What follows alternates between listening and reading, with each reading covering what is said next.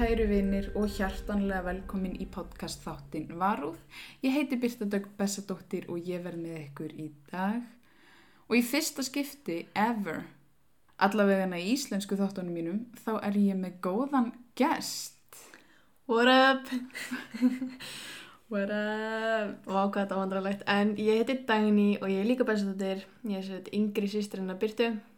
Og já, Eitthvað fleiri sem þú vilt segja? Mér langar líka pínu nickname eins og mamma morð. Ma, eins og morðmamma. Já. Það er ógeðslega lélegt ef ég segi morðdaganni. Taka dráp. oh my god. Ég er hér komin með dagga dráp. Eða daga dauði. Ég veit það er hræðilegt. Mamma laga sig. Það gast ekki valið hávarðari stól fyrir þetta. Takka dráp, oh my god, það er iconic. Já, ég er á Íslandi núna, það er búið að vera mikið að gera. Það var brillup, mamma og pappi voru að gifta sig. Eftir hvað? 28 ára kæristu para. Parast. Kærustu bara farast. Sambúð myndi ég nú segja. Sambúð. Eftir 28 ára sambúð. Já, það er crazy. Og þrjú bönn. Þeir voru loksins að gifta sig. Ég hef búin að ferðast helling og þetta er bara búið að vera næs. Akkur þetta var rosa námi. Má ég ekki horfa þig þegar ég er að tala við þig? Já, já, það er satt. Þú ert að tala um mig. Já, í, í fyrsta skipti sem ég er að taka gest. Í... Fyrir utan sjóel. Já, en það hann alltaf ekki tekið með. hann er ekki tekið með. Núna er Sjóel að rúnda með mömmu og pappa meðan við erum að taka upp svo við fáum einhvern frið. Já. Samt í alvörni það eru komin svo mörg ný nokkubröð að ég fekk næstu í víðáttubrjálaði þegar ég, veist, kom bónus. Ég var bara, what the fuck, hvað er mikið af dóti hérna? En þú veist, í Sviss ertu að bara að draka kaffi. Það er nokk át í Sviss en ég held að hann kosti næstu í 400 kall stykki og það er mjög á mjög fáum stöðum allavega það sem ég bý Já. og þá er það bara ferski og peru það eru tvö Ég er ennþá reyðið nokkuð fyrir að hætta með karnival nokkuðinn, hennan gula. Já, Og ef einhver segir að exotic karnival sé það sama þá, þá fær hann blöyta tuski í andliti. mér fannst þú segja Karenu Val nokkuinn og ég bara hver er Karenu Val og okkur fekk hún að gera nokku Vilt þú byrja eða? Já, ég er með frekar stuttmál því að ef ég var hreinskilinn þá gerði ég þetta fyrir svona fjórum tímum. Þannig að... Uh, Við erum öll skipulegu hér Já, ég var eiginlega bara búin að gleyma þessu og já, þannig að þetta fer ekkert eitthvað svakalega djúft. Ég var enda bara að klára máli mitt í flugvélinni á leiðninga þannig að Já. ég er ekkert betri Ég ætla líka að taka fram að varuð er ekki við að hefði badna. Ég er líka átjónara og ekki góð í lögfræði ennsku, þannig að þið vitið það. En ég ætla að segja ykkur í grófum dráttum hver John Leonard Orr er og hvað hann gerði á æfi sinni. John fættist 27. april 1949 en ég fann ekki miklar upplýsingar um barnæsku hans en mamma hans og pappi skildu þegar hann var lítill og það var erfitt fyrir hann þar sem að mammans tók allan peningi þeirra, yfirgaf þá og byrjaði með æsku ástin sinni. Ok, rude Mm -hmm. Hún er langa alltaf að vera lauruglumadur en draumur hans var ekki að veruleika þar sem hann náði ekki inngönguprófin í lauruglunámið. Hvað, veistu hvort það hafi verið veist, líkamlegt eða eitthvað andlegt eða Það var líkamlegt. Í staðin fór hún að starfa sem slökkulismæður og íkveikju rannsóknumæður og hann var aðalega bara að rannsaka því að hann náði ekki inngönguprófi í, í lauruglunámið og hann var ekkert eitthvað sérstaklega fitt. Ok, þannig að hann varð byrju slökkvilismöður Hann var að rannsaka Já, íkveikjur íkveikjur. íkveikjur. Ok, Eða, svona, svona, svona svo rannsóknar slökkvilismöður já, hann er á góðri ennsku Arson Investigator. mm, Ég vissi ekki að það verið til einu sinni Hann syndi starfinu vel þar sem hann fann fljótt orsökun á eldunum þar sem að hann kveikti þá sjálfur. Oh my god Mhm. Hann fekk stöðuhækkun og varð fyrirliðin á stöðinni Glendale Fire Department í Suður Kaliforníu. Á árunum 1984 til 1991 voru margir stórir brunar í Los Angeles og varð eignartjón metið margra miljónir.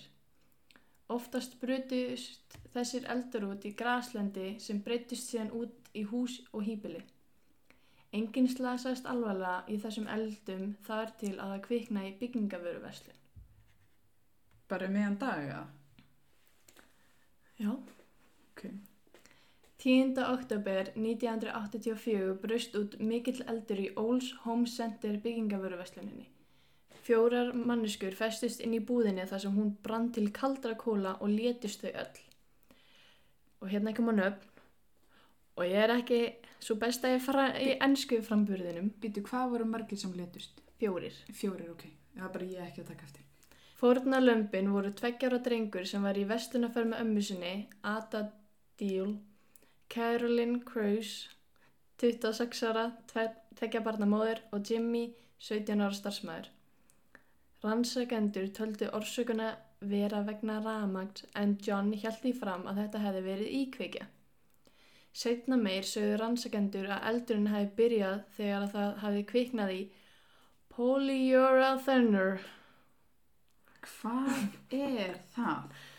En það er mjög eldfimt efni sem að má finna í einangrun og fóðurinn fyrir húsgögn. Þannig að hann kveikti í kottum Ok. sem voru úr þessu efni og það bara kabúm. Það kom nótið kabúm. Í alvörinni. Já. Kom bara sprenging. En einn spurning, var það það amman og tveggjara drengurinn sem að letust? Og Já. síðan þessi starfsmæður og konan? Já, þannig að þetta var sér að amma og ömmubannið og síðan eru þær tvær starfsmenn, 17 ára og 26 ára. Ok, ok, ok. ok. Það er ekki að vera strákur, þessi 17 ári. Nei, um, Jimmy Setina, Ok, stelpaði strákur, hvorukinn, það, ég veit ekki. hán, við dæmum ekki Við hér. dæmum ekki. Vegna þess að þetta efni er svo eldfimt þá var eldurinn mjög fljótt, mjög stór og breytist hratt úr sér. Þannig að þau festust inni Mm. og síðan bara, Bara brunnu bara. bara brunnu. Úf. Og var bara, að þetta var bara af ramagni, en hann var bara, nei, nei, nei, nei. No, no, no, no, no. No.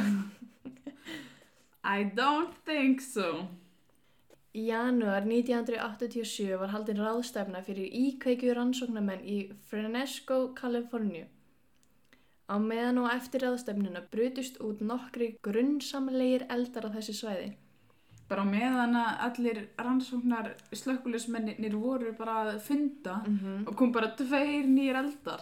Þeir hefði átt Bara að gera eitthvað annað. Þetta vera bara hann. ok.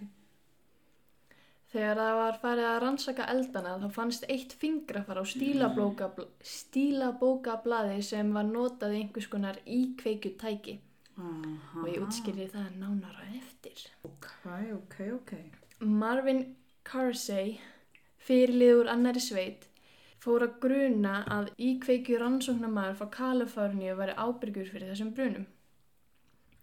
Og þetta var, þú veist, ráðstefnum var í húsi og síðan var bara, þú veist, eiginlega hringin í kring. Mm, þannig að hann var bara, heyrðu ég ætla á klósettið og sér bara eldur og sér kemur aftur, heyrðu hátegismatur, annar eldur og komin aftur. Í mars 1989 var önnur ráðstefna í Pacific Grove og þar byrjuðu sirp af eldum að blossa upp á svæðinu. Alveg eins og hinni ráðstefnunni. Bara alltaf þegar eru ráðstöfnur, þá byrja bara eldar út um allt. Greinilega. Marvin fór að bera saman fólkið sem var á báðum ráðstefnum og endaði með lista af, með einungis tíu manns. John Orr var á listanum en allt fólkið á listanum voru reynsuð af grun þegar það fóru borin saman fingrafur við fingrafarð á stílabókablaðinu. Mm. Rannsóknarmenn voru núna farin að gruna að allar íkveikunar væri eftir sama aðalan þar sem svipuð innan gæsalappa íkveikutæki voru notað. Í kveikjutæki, Mm -hmm. ætlar að útskýra það eitthvað? Já. Ok. Þetta fína íkveikutæki var oftast síkaretta með gummite á botninum sem var síðan stungið inn í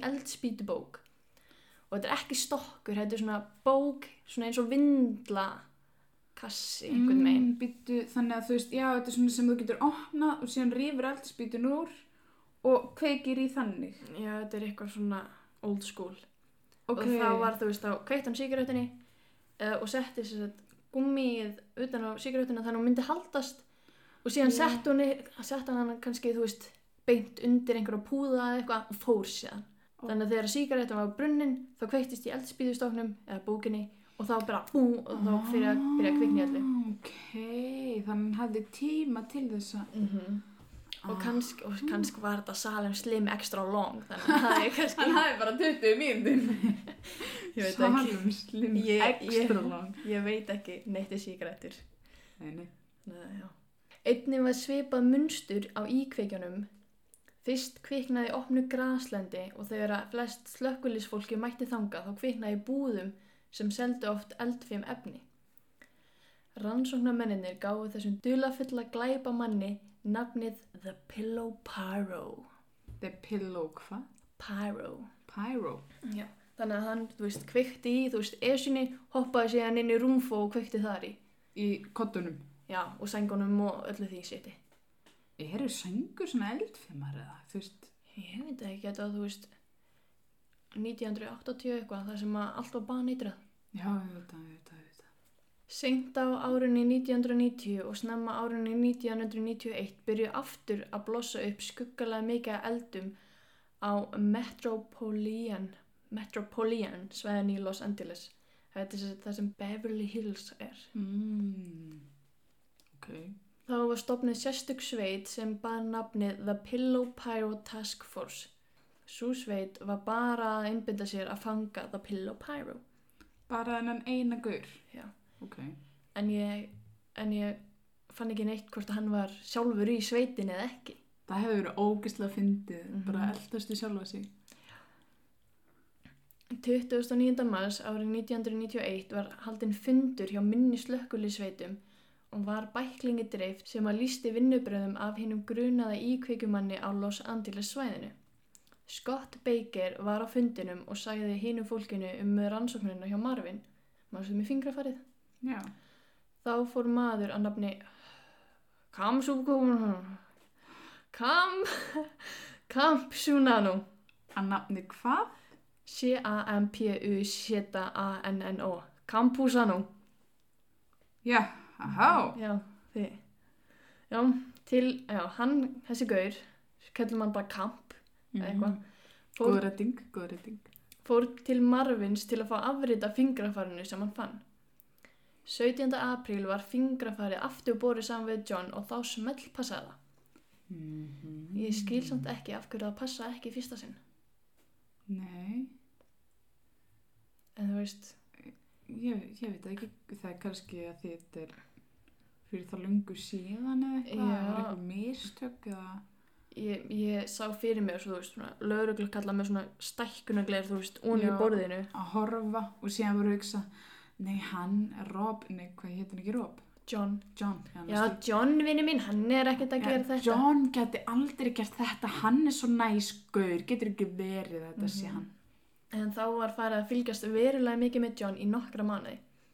John fattaði að 13. mæ þegar hann uppkvitaði og fjarlæði staðsetningatæki sem tilheyriði lauruglunni undir bílnum sínum. mm. Það sem hann vissi ekki var að 22. november þegar hann fór með bílinn sín á verkstæði var sett annað staðsetningatæki undir mælaborðið hans í bílum. ok, snetti hann bara, peh, þeir heldur þeir getur gappa mig en síðan reverse unocar þeir gera það bara aftur Á sama tíma afhendi allríkis lauruglumæður ákæru og stuttu síðan var John mættur á vettvang grunnsamlegs elds svo ákverðun var tekin um að binda enda á eftirlitið, fá handtökuskipun og framkvæma handtöku. Þá var John handtekinn 4. desember 1991. hvena byrjuði aldanir aftur? Þeir byrjuðu 1984. ok 30. og 1. júli árið 1992 byrjuðu réttarhöldir hans.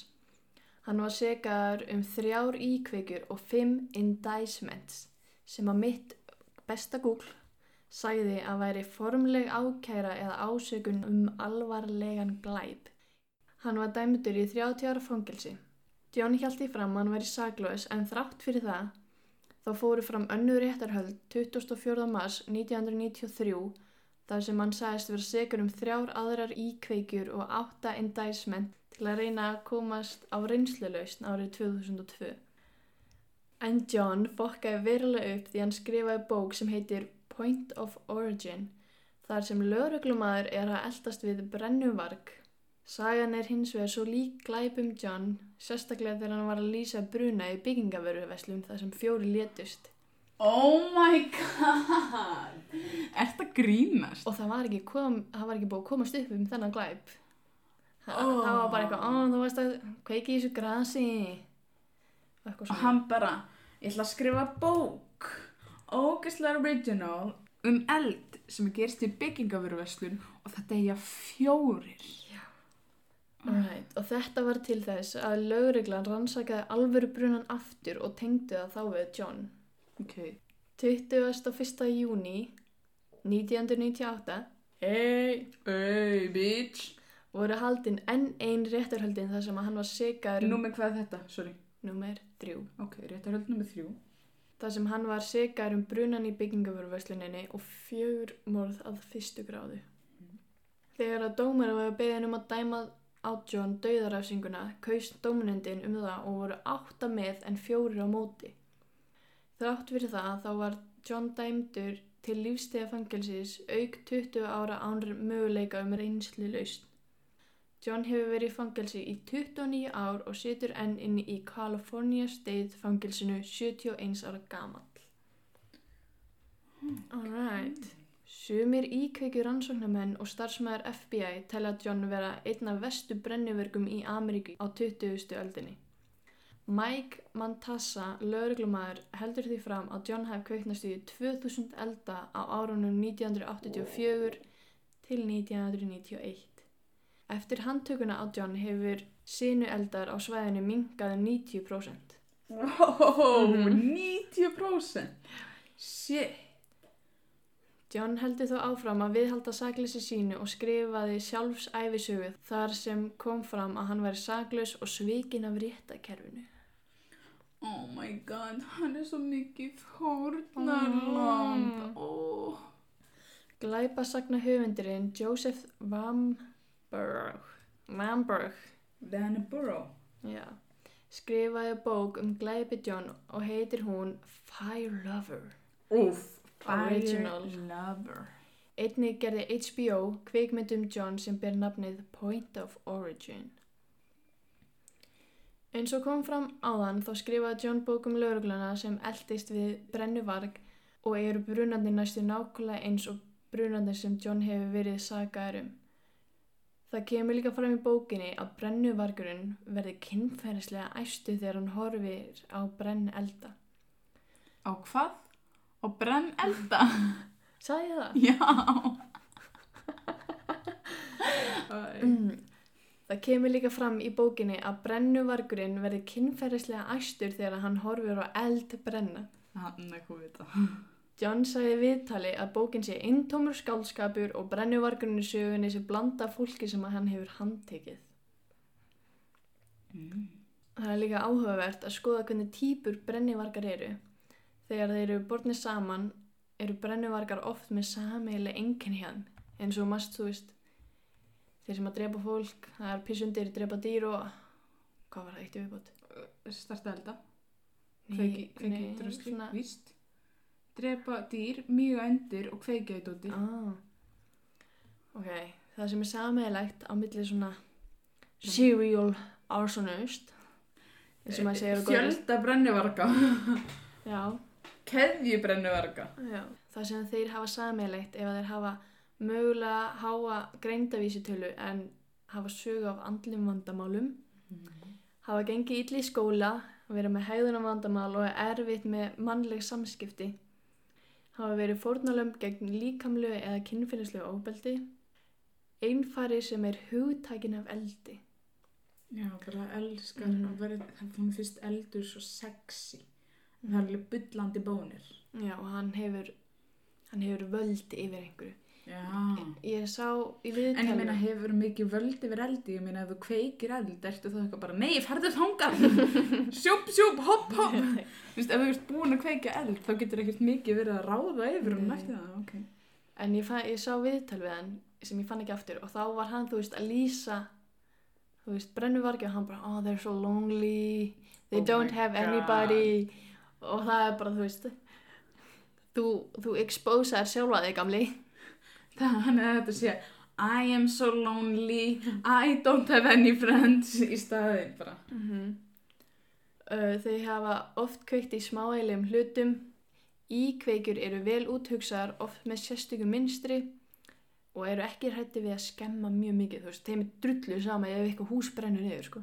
Já, ég meina, þú veist, þetta er heil bygging af veru verslun í bandaríkjunum er örugglega mjög mikið, skilur að drasli. Og líka, þú veist, þú kveikir í einum gransblett og síðan er, þú veist, California sumur er ekki djók og það fer Mm. bara, þú veist, í næsta nágræni. Þú veist, með einu svona, þú veist, getur brent niður tugi húsa. Mm Það er alveg bara skrítið að hann hefði ekki dreipið fleiri. Þeir eru stoltir í leini af eldunum sínum. Já, Þú veist, þeir takit oft upp ok, ég segir hendur ekki. Og það kemur ekki á orð að þau myndi horfa þetta setna og runga sér yfir í. Já, örugglega, þeim finnst þetta svo sexy. Svo sexy. Og þau alast upp á óstöðugu heimili, mannstu mammans. Já, mamma er, og síðan náttúrulega hann komst ekki inn í lögurskólan. Mm Líklega verið fyrir vannrækslu og skortur og öryggisvitund. Mm, hann náttúrulega líður ekki örug, bara mammas farin, engin peningur. Já, og það sem að ég las líka en ég skrifa ekki niður, er að hann var giftur sjálfur, Mm. vegna þess dóttur, Mm -hmm. og síðan gerði hann það nákvæmlega sama og mamman skerði. Hann tók allan peningið þeirra og fór frá þeim. Oh, like mother, like, Like son. En það var mitt mál. Ég er með brennuvarg. Vel gert. Ána með þig. Í fyrsta skipti sem þið gerir svona mál og ég er mjög ána með þig. Hafið þakkir fyrir. Við erum bara verið búin að taka upp í næstu í hálftíma og ég á eftir að gera mitt. Guð blessi mig að klippa þetta mál. Ertu reddi? Ég er reddi. Ertu viss? Já. Ok, í dag ætla ég að gera enn einu sinni íslenskt mál. Ú. En sko, þetta mál er aðeins meira en 100 ára. Og eins og langam okkar, hún er 103 ára. Er þetta síðasta aftakan? Nei, ég er búin með það, Dani. Það kom út í síðustu viku. Vá, ein með punktir. Veistu það, ég er búin að hlusta á alla þætti nema svona tvo. Já, þá ertu ekki búin að hlusta á þann allana. Ég er búin með síðustu aftökuna. Endilega hlustið á það ef þið hafið áhuga. Ég á bókina sem ég er búin að eiga þrjú árum þetta og ég hef aldrei lesað hana. Nei, ég líka sagði að Nathan var fættir 1920 og eitthvað. Eða 1970 eitthvað, en ekki 1700 og eitthvað. Þannig að það var vittlust. En það sem ég voru að segja er að þú veist, þetta er aðeins meira en 100 ára og það er alltaf einhver sem að þekkir einhvern sem að þekkir einhvern. Ég meina, þetta fólk gæti átt börn eða barnabörn sem eru ennþá lífi. Þannig að við ætlum bara að fara að valega en allar upplýsingarnar sem ég er að tala um núna er hægt að finna á netinu. Þetta er allt á netinu, ég ætla ekki að breyta nöfnunum með neitt. Því að væri það svona bara hægt að googla þetta og finna þetta sjálfur. Nákvæmlega. Og ég er ekki að reyna að móðga neitt eða neitt þannig. Ég er bara að gera nákvæmlega það sama og þessi fréttablöður að gera sem er bara að True. skrifa um þetta nema ég er bara að tala um þetta, skiluru. Já, af hverju ættu þú að fá heit fyrir það ef að það er allir aðra að gera þetta? Sem er kannski tveim dagar eftir, eða tveim dögum eftir þetta gerist. Þú ert að tala um þetta hundra árum setna.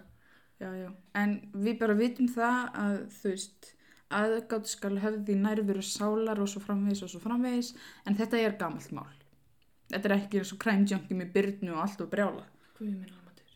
Allavegna, ég ætla að byrja því að segja þér frá honum Eyjólfi Jónssoni. Ok, Eyjólfur Jónssoni, muna það. Eyjólfur. Eyjólfur. Hún var líst sem duglegum, sterkum og ríkum og að hann kunni að fara vel með peninga. Akkurat dugtu mig. I like big butts and... Nei, tjók. Hvað? Að hvað ætlaði að Ég, ég segja? ætlaði að segja like men with money en ég hugsa ég get átt money sjálf. Þú getur bara fengið þinn eigin pening það þarfst ekki að stóla á neitt annan en hann var ekki giftur hann átti ekki börn og eitti því mest öllum sínum tíma í að vinna og hann var átti líka engan til þess að þú veist erfa eftir sig, Mm. skilur Veistu hvað hann er sér gamall?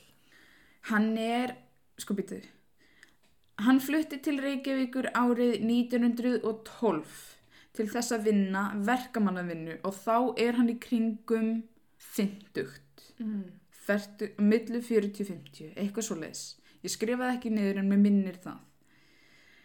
Eyjólfur átti systur sem að hétt Júlíanna Silva Jónsdóttir. Þannig að tvö mingilvæna Eyjólfur og Júlíanna. Mm -hmm.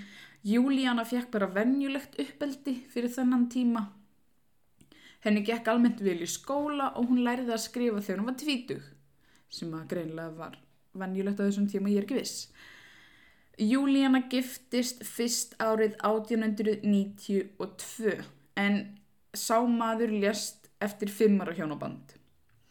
Eftir það þá flutti hún til Reykjavíkur og byrjaði með sjómanni sem hétt Hannes Hansson. Dag einn kom hún heim með mann sem hétt Jón Jónsson, eins og annarkver Íslendingur. By the way, þegar ég var á Akureyri um Vestlunumannhelgina, þá var ég að keira og ég, ég sá bara svona bolta fara yfir göduna og ég bara, ok, og eftir bolta kemur barn og síðan kom barn og eftir og að eftir barninu kom maður hlaupandi, það var það Jón Jónsson. Á hann bad? Ég veit það ekki, hann var allavega að hlaupa ykkur, eftir einhverjum dreng út á miðja götu á Akureyri og ég var bara halló, halló, passið ykkur hann. Hann var bara eitthvað Kemur í... fréttanum. Svisnendur, nei, svisnenskur útlendingur keirir á Jón Jónsson. ég var líka bara, við vorum næstu bara að drepa Jón Jónsson. Æ, það er eitthvað. En allavega hún kom heim með þannan mann sem hétt Jón Jónsson. Uh, Hannes var auðvitað ekki sátti við þetta og þau byrjuðu mjög mikið að rífast. Þegar rifrildir byrjuðu vildi Júlíana Hannes myndi bara fara Mm. og gefa sér hluta af eigunum sínum. Voruð þið gift? Ég man það ekki, það geti verið. Jú, ég held það. Jú, þau voru held ekki gift. En ég veit ekki hvort að hann gerði það, ég veit ekki hvort hann gaf Júlíanu neitt. En þau skildu allavega hana og Júlíana flutti inn með Jóni. Mm. Jóni var líst sem lötum og að hann hafi ekki nefnt mikið að vinna. Jón hafði skilið við fyrir konuna sína til þess að vera með Júlíunu. Júlíana átti tvær dætur. Það mismunandi eftir heimildum en samkvæmt minni vittneskju þá var eldri úr fyrra hjónabandinu, þessi sem að lést, og yngri úr segna hjónabandinu þá ég held með hann að sé en ég er ekki viss og það tenglega sér skiptir ekki máli. Mm Hún- Hún átti tvær stelpur eða tvær dætur. Júlíana og Jón byggu í mikilli fátækt og þau stóluðu eiginlega á Eyjólf til þess að borga fyrir sér leiguna. Mm. Í staðinn þá fekk Eyjólfur að vera heima hjá þeim og Júlíana sá eiginlega bara um hann. Eyjólfur gemdi svona lítið koffort eða kistu heima hjá Júlíunu og Jóni þar sem að arlegan hans var. Og meiri segja eftir að Eyjólfur flutti út og fekk sitt eigið herbyrgi þá var kistan hans ennþá heima hjá þeim. Núna kemur smá babbi bátinn í sögunni. Það fer svolítið eftir heimildum hvað gerist næst. Það sem er fyrir víst er að Eyjólfur ætlaði að sækja eitthvað skjál í kofforti sitt. Mhm. Hann ætlaði að sækja eitthvað pappir í kistunni sína. Það kemur ekki fram hvaða er í hæstaréttardómi. Þannig að það segir ekki neitt. Í fréttablaði sem kom út í november 1913 segir að hann ætlaði að sækja sparisjóðsbók sem að inni hélt 705 krónur sem er alveg mikil peningur á þessum tíma. Mm. Í DVF sem kom út í mars á síðast ári, 2019, þá segir að hann hafi verið að sækja eitthvað skonar skulda viðurkenningu eða skuldabók því að hann átti mikið peningum og var svona ofta að lána fólki Já. án þess að taka neina vexti og samkvæmt þessar grein þá lenda hann í vesinni við fyrrum um, vinnuveitandan sinn um hvor skuldaði hverjum Mm. En sama hvað þetta skjál var, þá þegar hann kom heim til Júlíunu og ætlaði að sækja það, þá var það ekki þar. Júlíana og Eyjólfur leitið út um allt en fundaði ekki og Eyjólfur var eðlilega ekki sáttur. Hann kendi Júlíunu strax um að hafa stólið þessu skjali. Hann var svo reyður að hann lendi í slagsmálum við bæði Júlíunu og Jón og það voru vís líka einhverjar lífslátar hótanir á millið þeirra. Það var ég. En var það bara þetta skjál sem var týnt eða var bara allt farið? Þetta skjal, þetta skjal sem hann ætlaði að leita var ekki þar. Ok. Það var annað dót í kistunni en ekki þetta sem hann var að leita. Ok. Samkvæmt minni vittneskjöldana. Eyjálfur sá eftir því að hafa lent í þessu og slagsmálum og baðist innilegrar afsökunar. Hann borgaði líka eitthvað lækniskostnað vegna meðslana sem Júlíana fekk eftir hann. Þannig að greinilega hefur komið upp ykkur slagsmál. En Júlíana var samt, samt sem áður betur út í hann sem ég skil alveg, ég meina ef ég er að fara að berja þig sama hversu reið ég er og ég berði og segi sem bara sorry, sorry, sorry þá er alveg eðlilegt að vera pyrruð út í mig. Já, bara, já. Skilur hvað minna? Mm En laugadaginn 1. november árið 1913 það bauð Júlíana Eyjólfi heimtið sín í kaffi. Hún gaf Eyjólfi skýr með sigri. Bara skýr. Eyjólfur sagði að það var eitthvað vond bragð af skýrinu. En Júlíana sagði bara neini, það er bara bull. Þetta er bara vegna þess að ég setti smá brennivín í skýrið. Sem að greinilega var bara algengt þannig. Eyjólfur kláraði samt allt skilja, hann er bara oi, oi, oi. En hann klárar allt og fór svo niður í Yðnó og borðaði kvöldmatt þar. Ég veit ekki alveg hvað Yðnó er. Þetta er eitthvað hús í Reykjavík. Við erum smábæðastelpur, Já, við við vitum ekki hvað yðnú er. við erum sveitatúttur, ég glemdi að googla þetta en Yðnó í Reykjavík.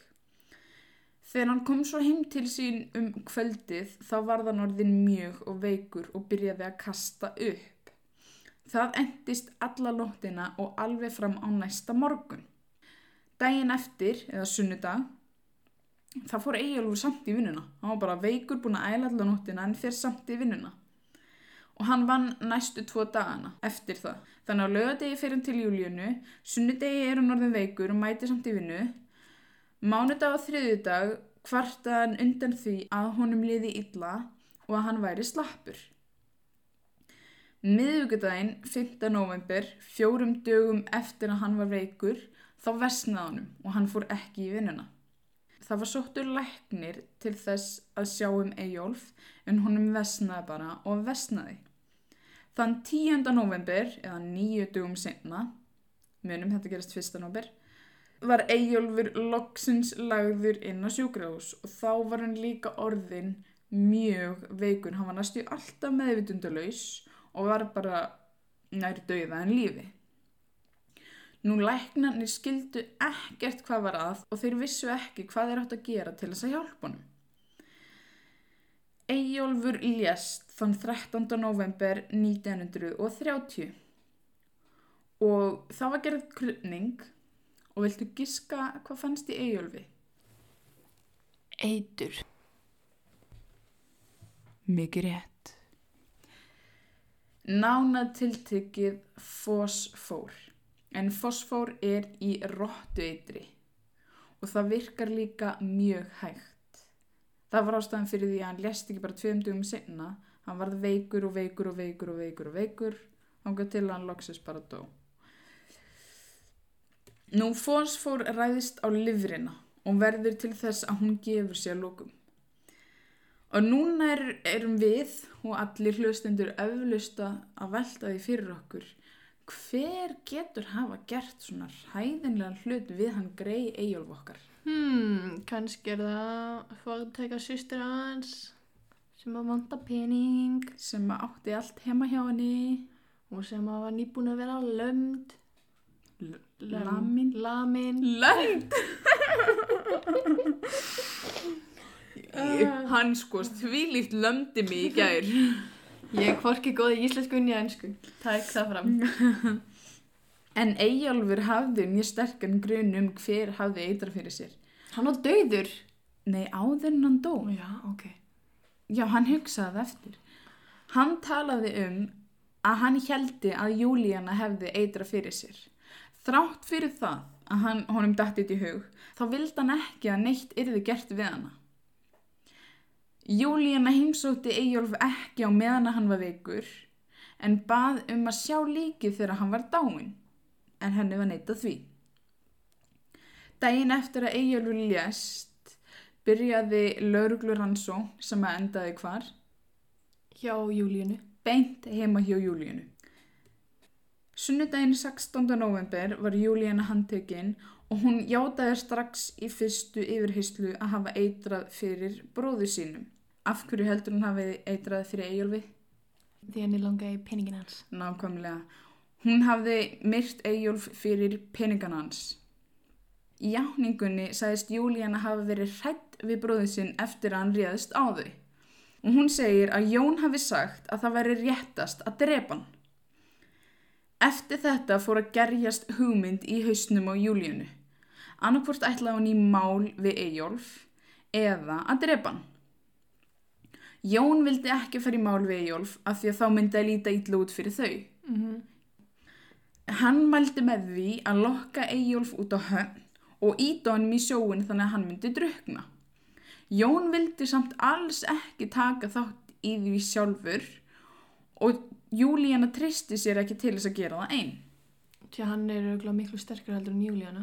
Já, ég meina ef, ef hann átti að hafa verið eitthvað að skilur berjan. Var, hann var líka eitthvað verkamæður í 40 pluss ár. Já, þú veist, var að vinna hellingu eitthvað. En hann var bara sem verkamæður eftir að hann kom til Reykjavíkur held ég. Á. Allavega. Eftir að Júlíana tristi sér ekki til þess að drekkjónum, þá kom Jón með það hugmynd að eitra fyrir Eyjólfi. Júlíana var ekki alveg viss með þessa hugmynd að því að hún held að það væri svo erfitt að kaupa eitur. Jón sagði að hún gæti bara farið í næstu livjabúð og keift rottueitur eða að byggja einhvern annan um að gera það, ekki segsamt að því hann vildi ekki koma nálægt við. Ég skil ekki af hverju það er hægt að kaupa rottueitur í livjabúð af því að það er akkurat öfugt við liv. En Júlíana fór þann 31. oktober og kefti eitur fyrir 35 öyra. Dæin eftir kom Eyjólfur til hennar en hún þorði ekki að eitra fyrir honum þá. Jón var óþölumóður og sagði henni að hún yrði nú að fara að drífa í þessu. Dæin eftir, eða 1. november, fór Jón snemma í vinnuna en vissi að Eyjólfur myndi koma segna og sagði Júlíunu að núna væri stundin runnin upp. Þegar Eyjólfur kom svo gaf Júlíana honum kaffi og meðan hann drakk það þá græði hún skýrið. Hún setti allt eiturið í skýrið og vel af sigri með. Eftir skýrið gaf Júlíana Eyjólfi ekki einn, ekki tvo, heldur fimm kaffibotla. Djöld drekkaði mikið af kaffi. Fimm kaffibotla með brennivinni í. Ég skil ekki, hvernig gæti hann sopnað? Hvernig fekk hann ekki skitu? hvernig heldur það, oh my god, hvernig heldur það hérna andfélanas hafi verið? Akkur drakk hann þetta bara ekki beint eins og alveg yllningur. Brennivín? Ég veit það ekki. En þegar Júlíana frétti af því að Eyjólfur væri veikur, þá sá hún mjög mikið eftir gjörðum sínum og henni leið mjög illa. Júlíana sagðist vera bæði hjartveik og veik á geði. En þegar að læknir kom á matana sagði að hún hafi aldrei verið veik á geði. Þegar að eitrið var skoðað komi ljós að livjaglasið sem hún kefti voru 35 grömm. Í skýrslu landlæknis kom það fram að í eitrinu var 2% fósfór. Nún er smá reikningur. Þannig að í þessum 35 grömmum af eitri voru 70 centigrömm af fósfór. 10 centigrömm eru talin mjög bannvæn skamtur en 70 centigrömm í einu mun næstum því alltaf drepa ef ekkert er gert samstundis. Og munum að hann fór ekkert á sjúgrós fyrir en þú veist 10. november. Pældi, hann fekk 70 af þessu rótteitri og hann var bara eitthvað að mæti vinnuna, bara eitthvað lalalala. Nákvæmlega, þú veist, hann fekk 70 centigram þegar 10 ef talið bannvæn skamtur og hann var bara, herðu, ég er búin að æla allar nóttina, ég ætla að mæti vinnuna í þrjá daga eftir á. Þegar Jón var yfirheyrður þá neytaði hann öllu. Hann sagðist ekki einu sinni hafa vitað neitt um áætlanir Júlíunu fyrir hann við rannsóknina. Hann viðurkendi samt að hafa heyrt Júlíunu tala um að setja eitur í kaffið hans Eyjóls og að hún hafi beðið hann um að kaupa rottueitur sem að þú veist, ég vissi ekki neitt en hún baði mig um að kaupa eitur og hún sagði mér að hún ætlaði að eitra fyrir honum í kaffi En, en, ég vissi, en ég vissi samt ekki neitt um það. en ég meini, ég vissi ekki neitt ég veit jafn mikið á þig, ég vissi ekki neitt fyrir bara núna allavega Jón sagði að hann hefði ekki tekið þessu alvarlega og hafi reynt að tala Júlíunu út úr þessum hugsunum hann var bara að segja ég reyndi að segja við hann hún ætti ekkert að vera að gera þetta En ég vissi samt ekkert af þessu. Jón sagðist ekki hafa vitað að líf Eyjóls væri í hættu. Júlíana var dæmt til dauða fyrir morðið á bróðu sínum. Hún fekk samt náðun konungs og var dómnum hennar breytt í ævilangt fangilsi. Jón var síknaður vegna skorts á sönnunugögnum, þetta er bara orð á móti orði, en hann var útskurðaður geðveikur og settur hann á klepp. Júlíana lést 17 árum eftir morðið og hún var alltaf mjög veik eftir morðið, bæði á líkama og sál. Jón lést sama ára og Júlíana árið 1931 á Klepp spítala. Jón var sem sagt í 17 ár inn á Klepp og þannig endar máli mitt í dag. En var hún þá bara í fangilsi? Já, hún var bara í fangilsi, ég veit ekki hvar, held ég, en hún lést allan 17 árum eftir. Uh, ég held allan. Upp, núna kemur fáfræðsla, nei, hvað segir maður, fáfródómur, fá, fáfræði, hann kemur þetta, hann kemur fáfræði mín inn. Heyrðu, ég var hérna með mjög veikt mál, þannig að þú stóðst þig bara vel. Hvað meinar um veikt mál? Þetta var mjög vel gert. Takk fyrir. Samt sko, á meðan að við erum búin að vera þetta upp, það hafa þrýr fjölskyldummeðlumir komið inn hérna bara meðan að við erum búin að vera að taka upp í hérna klukkutíma. Já, Fáum engan frið. engan frið. En er eitthvað sem er þið langar að bæta við? Mm, ég þarf að pissa Ok. og ég er bara mjög glúð að ég hafi fengið að vera með. Já, takk fyrir að vilja Von- koma með mér. Vonandi geti hlusta á sjálf mig. Ég get það ekki, persónlega. Hvernig getur þá kliftið það? Það er mér megn. Nei, nei, það er svona, það er svona mesta sem ég get gert. Síðan fæ ég ógeða sjálfur mér og ég bara svona, nei, ég vil ekki meira. Lúmú. Við ætlum að horfa á, held ég, Eurovision myndina. Við erum ekki búin að, við erum ekki búin að horfa á hana, en ég er búin að vera með þetta já-já ding-dong lag á heimunum í þrjá daga eða eitthvað. Og ég heyrði það fyrst í gær, eða fyrir dag. Já, já. Ding dong. ding dong. My love for you grows big, wide and long. Eitthvað svona. uh, Verðið ykkur á góðu frá okkar systra söng. Já, en annars bara endilega mæli ég með því að þið fylgið mér. Gefið henni 5 stjórnur á Apple Podcast. Takk fyrir og s- subscribe á Spotify. Og er þetta óþægilegt Birta? Já, þetta er versta ASMR sem ég hef nokkuð tíman heyrt. Og subscribe á Spotify. Eða hvaða veitu sem að þið eru á. Takk fyrir mig. Úf, þetta er ræðilegt. ég ætla að hafa þetta inni. En já, ef þið hafið áhuga þá með ég endilega að fylgja mér. Og bara á Instagram og Facebook grúpunni og. varð.podcast. Á Varuð Podcast. Oh my god, þessi auðlýsing er ekki að fara vel. Þetta hefur aldrei gengið svona illa. Og síðan bara segja vinum og vinum og vandamennum frá. Og endilega mælið með okkur á Beauty Tips. Beauty tips. Nei, ég er hrætt við beauty tips. No. Ég þóri ekki að fara að því að fólkið inn á beauty tips getur verið svo ógeðslega ruthless. Vist, ég þóri ekki að, vist, að því þú getur searchað svona inn á grúpum. Ég þóri ekki að searcha varúð að því ég er brókslega hrættum að sé allir bara, þetta er ömulegt. Nei, það er bara, hvaða podcast mælið með? Það er bara, varu, og ég er bara, yey. Erstu búin að tjekka á því eða? Já, þetta er bara aðalega vinkunum mína, sko. Æji, takk vinkonunum daginn, ég er þeir yndislegar. Takk fyrir að mæla með mér og, og ég vona bara að þið hafið gaman af rugglu, ruggludallunum okkur. þetta er aðeins öðruvísi, en þetta, þetta var ógslag skemmtilegt. Þó mér svo eru svolítið illt í rassinum að sitja inn og þú situr á koll. Já. En þetta er búið flott tótt, Flott tótt. flott tótt komið gott. Yeah! Og Boom, mic drop. Þetta var gott. Mic drop. Nei, Dagný. Þessi mæk var alltaf dýr. En já Þanga til næsta miðgudag Þá segi ég knús í hús. Bye.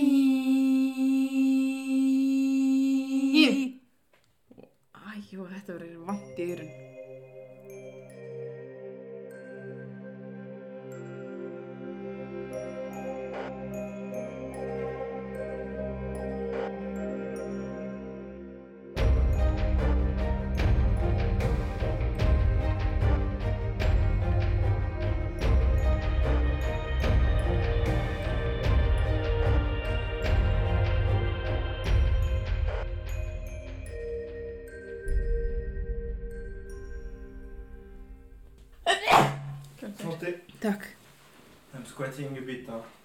you what? Squatting the bed a bit. Are you squatting? I, I squat the bed. What does that mean? I squat the bed. It's maybe uh, French, okay? Hérna, Are, are, are, rúmið. are you Squatting. squatting on the bed?